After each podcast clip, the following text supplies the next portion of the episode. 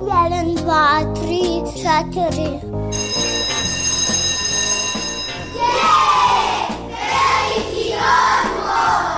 Emisija o obrazovanju i vaspitanju. E, Kad neka vaspitačica kaže da je veliki odmor, onda nešto radite. Jedeš, treniraš, skačeš, julješ se, eto, i tako. Vi slušate veliki odmor. Veliki odmor. Zašto je važno detetu reći ne? Zato što ga time učimo o granicama i kako one utiču na razvoj ličnog integriteta. Da li izgovarajući ne, roditelji uskraćuju ljubav prema detetu? Ne, time mu pokazuju koliko im je stalo da kod svog deteta izgrade autonomiju ličnosti. Šta dete poručuje kada negoduje? Poruka je jasna. Dete uspostavlja odnos sa sobom i onim kako njegovo ponašanje utiče na druge. Ja sam Biljana Kuriš, a ovoga puta veliki odmor otkriva kako reći ne mirne savesti u odnosima roditelj-dete. Najčešće kada govorimo o tome kako reći nemirne savesti, prvo što nam padne na pamet jeste pitanje granica. To pitanje granica je veoma popularno. Kada pričamo o vaspitanju, ne može proći tema da se ne pomenu granice koje postavljamo deci. Da, one su prosto neophodne. Međutim, jako je značajno da napravimo razliku između granica koje predstavljaju zidove oko deteta i granica koje su naše lične granice. Kada govorimo ne, mi u stvari govorimo o našim ličnim granicama.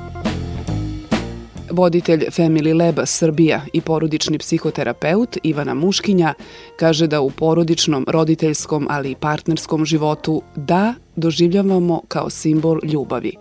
Na taj način često iskazujemo dobru volju, poverenje i želju da nešto zajednički gradimo. Ona kaže i to da se vrlo često neprijatno osjećamo kada izgovorimo ne, jer se smatra da je to uskraćivanje ljubavi. U nastavku razgovora sa porodičnim psihoterapeutom Ivanom Muškinjom poslušajte zašto je važno postavljati granice u vaspitanju i na koji način podsticati razvoj autonomije kod deteta. Zašto je važno detetu reći ne? Svedoci smo da nelako, nelagodno izgovaramo ne u porodičnim odnosima. To doživljavamo kao neki nedostatak ljubavi. Međutim, i to ne je veoma značajno, zato što se i kroz ne dete uči brojnim stvarima. Ono se uči pre svega granicama drugih ljudi. Ono se uči da ponašanje njegovo ima posledice za druge ljude. I posledično uči da postavlja lične granice. Zašto se čini da roditelji zaboravljaju da postavljaju granice? Razloga je jako puno. Postoje ljudi koji jednostavno ne vole sukobe i uradit će sve da bi izbegli porodične sukobe. I mnogo će biti skloniji da u relacijama sa značajnim osobama u svojoj porodici govore češće da nego ne. Drugi su jednostavno lenji. Ne da im se, to ne vrlo često izazove frustraciju druge strane. I opet neki potencijalni sukob. Nekada roditelji žive u uverenju da je njihov roditeljski zadatak da u potpunosti usrećuju svoju decu. I žele i žude da njihova deca doživljavaju samo prijatne emocije. I to ne onda doživljavaju kao neku prepreku na putu njihovom idealu roditeljstva. Razloga je stvarno jako, jako puno. Naravno, ne idem u korist ni vreme u kojem živimo. Mi živimo u potrošačkom društvu, gde nekako to da, da na svaku želju, da na sve što poželimo u životu, u stvari jeste nekako predstavljeno kao znak kvalitetnog života, što apsolutno nije tačno, nije istina. Šta je prava mera i koji su to trenuci u detetovom razvoju kada je neophodno reći ne? Baš tako. Iako je dobro nekako svaki roditelj za sebe da promisli o tome koje su njegove odnosno koje su porodične vrednosti koje žele da žive. Postoje neke stvari, neki pojmovi u životu deteta kojima moramo reći da. Mi moramo reći da potrebama deteta. To je negde nužno. Potrebe deteta nisu samo one klasične fiziološke, biološke potrebe za hranom, za snom, za odećom. Dete ima, kao i svako drugo ljudsko biće, potrebu za, za bliskošću, za dodirom, za sigurnošću. To su sve potrebe kojima mi kao roditelji, prosto da bismo adekvatno vršili svoju ulogu, moramo reći da. Međutim, tu negde ostaje nam prostor da se zapitamo u kojim situacijama i kojim stvarima i kojim željama možemo reći ne. Velika je razlika između potrebe i želja. I mi ih kao odrasli vrlo često brkamo. Na potrebe moramo da odgovorimo, želje su okej, okay, Svi ih imamo i one su dobre, ništa nije loše u željama, ali ne moramo na njih da odgovorimo, ne moramo se ravnati prema željama. Dete ima potrebu da jede, a može da ima želju da jede picu ili sladoled svaki dan. Mi ne moramo da odgovorimo na tu želju deteta, ali moramo mu obezbediti hranu. Jer to negde bez toga ono ne može da napreduje, ne može da živi u krajnjoj liniji. Napraviti finesu tog tipa nije uvek lako. Jako bismo voleli kada bi svaki naš postupak bio odgovoren sa da, kada bi dete odgovorilo nekako mirne savesti, da, slažem se, hvala ti što si uradio to što si uradio, razumem zašto to radiš. I nekako to dečije neko i mi dobijemo kada postupimo na neki način, doživljamo veoma lično. Međutim, to ne, nije kraj priče, to je tek početak dijaloga sa detetom. Ne mora da znači da moramo da se ravnamo prema dečijem ne. Ali to je takođe relevantan odgovor. Nekada nam je teško da kažemo ne, ali vrlo često nam je teško i da primimo neko dolazi sa druge strane. A dete takođe, kao što treba da čuje ne u porodičnoj sredini od svojih roditelja. Tako je jako bitno da u toj porodičnoj sredini ima priliku i da kaže ne. Jer ono na taj način vežba da kaže ne drugim ljudima. Kada sam mali, ja mogu da kažem ne izboru hrane koju je mama skuvala za ručak, ali kada postanem tinejdžer, to moje ne će možda postati ne nekom neprihvatljivom ponašanju koje mi nude moji prijatelji ili neadekvatnoj partnerskoj vezi. Da bi dete znalo da kaže kasnije ne u životu, mora da ga izgovara dok je malo u svoje porodici. I mora da se susretne sa odraslim ljudima koji su spremni to da čuju. Ne da se ravnaju prema tome, ali da čuju i da uvaže. Da kaže, ok, vidim da sad to baš i ne bih, ali ja sam to odlučila. Koliko nam je neophodno poslušno dete? Mi nekako kada pričamo o vaspitanju i dalje imamo taj ideal poslušnosti kao neku vrhovnu vrednost koju težimo. Međutim, ono što sada znamo i što nekako pogotovo razvoj nauke poslednjih 20 godina dokazuje jeste da ta poslušnost je bazirana uglavnom na strahu i kod dece koje su bazično bila poslušna u primarnim porodicama, prosto nekako ta unutrašnja motivacija za adekvatno, pravilno, dobro reagovanje u životu nije razvijena. I ta deca kasnije kada postanu odrasli ljudi, vrlo često im je potrebna druga osoba da im kaže šta da radi ili ne. Poslušno dete u stvari postaje poslušni odrasli bez inicijative i bez preuzimanja lične odgovornosti za svoje odluke i svoje postupke. Tako da bilo bi dobro i možemo da razmišljamo u pravcu prosto da zamenimo neke pojmove umesto poslušnosti, bitno nam je da imamo dete koje sarađuje. Dete koje sarađuje ne znači nužno da će se uvek obradovati našoj odluci. Slušate Veliki odmor – I kao da je bilo nekad I kao da je bilo tu Pod velikim svetlim suncem Pod velikim svetlim slodom Ručali smo meso Glodali smo kosti dobrih životinja snage, mi imamo snage za još dan za noć, mi menjamo noć za dan. Mi menjamo dan za noć, mi menjamo noć za dan. Prolaze brodovi,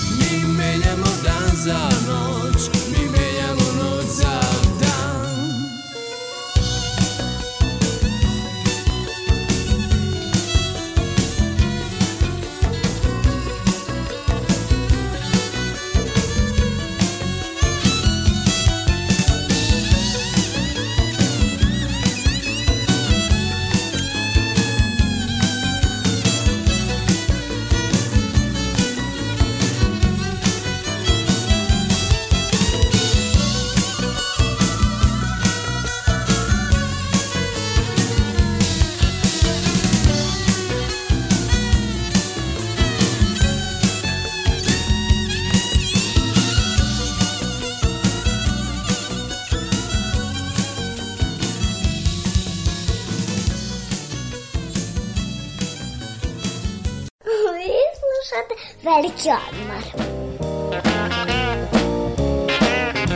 Zajednički život i vaspitanje dece po mnogo čemu je doživotni eksperiment i niko to ne može proći, a da svaki dan nešto ne zabrlja, jer se život ne svodi na to da budemo u pravu ili savršeni, nego da iz haosa izvučemo smisao. Jedan od načina da to postignemo jeste da živimo sa vrednostima do kojih nam je stalo i podelimo ih sa nekim kome bismo i mi voleli nešto da značimo – Ovo su reči Jespera Jula, porodičnog psihoterapeuta, predavača i autora brojnih knjiga iz oblasti porodičnog života, vaspitanja i roditeljstva.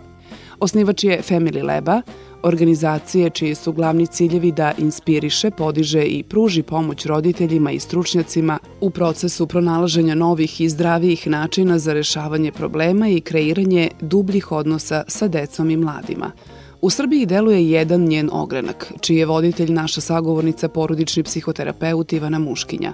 Ona ističe i to da porodični život nisu samo trenuci saradnje i sreće, nego je to mnogo kompleksniji odnos i, kako kaže, tako bi i trebalo da bude. Nije poenta čuvati odnos od sukoba, već kako konflikte iskoristiti za unapređenje odnosa a kako se u tim kompleksnim porodičnim odnosima nositi sa dečijim negodovanjem, zavisi od njegovog uzrasta, napominje muškinja. Ako imamo dvogodišnjaka, prosto nekada moramo biti svesni razvojne faze u kojoj se dete nalazi. To je period kada otprilike dete kreće da istražuje svet. Za razliku od perioda kada je bio beba, kada je ležalo i u potpunosti zavisilo od druge odrasle osobe, od roditelja, tada dete počinje da hoda, da pipa, da priča, svašta nešto može za jako kratko vreme. I to jeste moment razvoja autonomije. I to dečije ne na tom uzrastu. Nije ne roditelju. To dete govori da sebi. Isprobava. Vidi sad mogu i ovo. Vidi ja mogu da kažem ne i to moje neće ostaviti neke posledice na druge ljude. Ja mogu da budem značajan i da ja utičem na druge ljude, a ne samo oni da utiču na mene. To ne je potpuno drugačije od recimo ne deteta koji ima 7 godina ili ne tinejdžera koji ima 16 i 17 prosto negde sa uzrastom deteta menjaju se i naše očekivanje od uloge roditelja. Kada imate dvogodišnjaka, sasvim je okej okay uvažiti do dečije ne, ali preuzeti vođstvo. Jer mi smo ti koji odlučujemo. Mi smo ti koji znamo više, koji imamo više mudrosti, koji u krajnjoj liniji kreiramo porodičnu atmosferu i porodični dan. Kada imate 18-godišnjaka ili 16-godišnjaka, tada se uloga roditelja drastično menja. Tada negde nismo mi ti koji vodimo vodimo, ali ne na taj način na koji smo kad smo imali malo dete. Tada smo više u ulozi sparing partnera.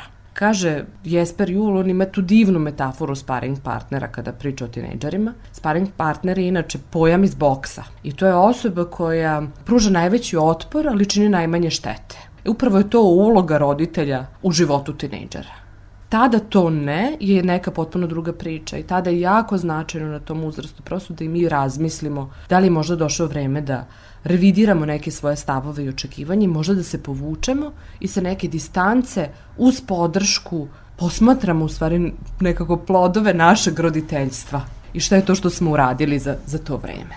Kada roditelj izgovara ne, tada nesvesno iskazuje svoje lične granice, poručuje Ivana Muškinja ne postoji konsenzus u vaspitanju. Koja je kvota ne na dnevnom ili nedeljnom nivou? Ne postoji konsenzus oko toga da li ćete kupiti jedan ili dva sladoleda na dan.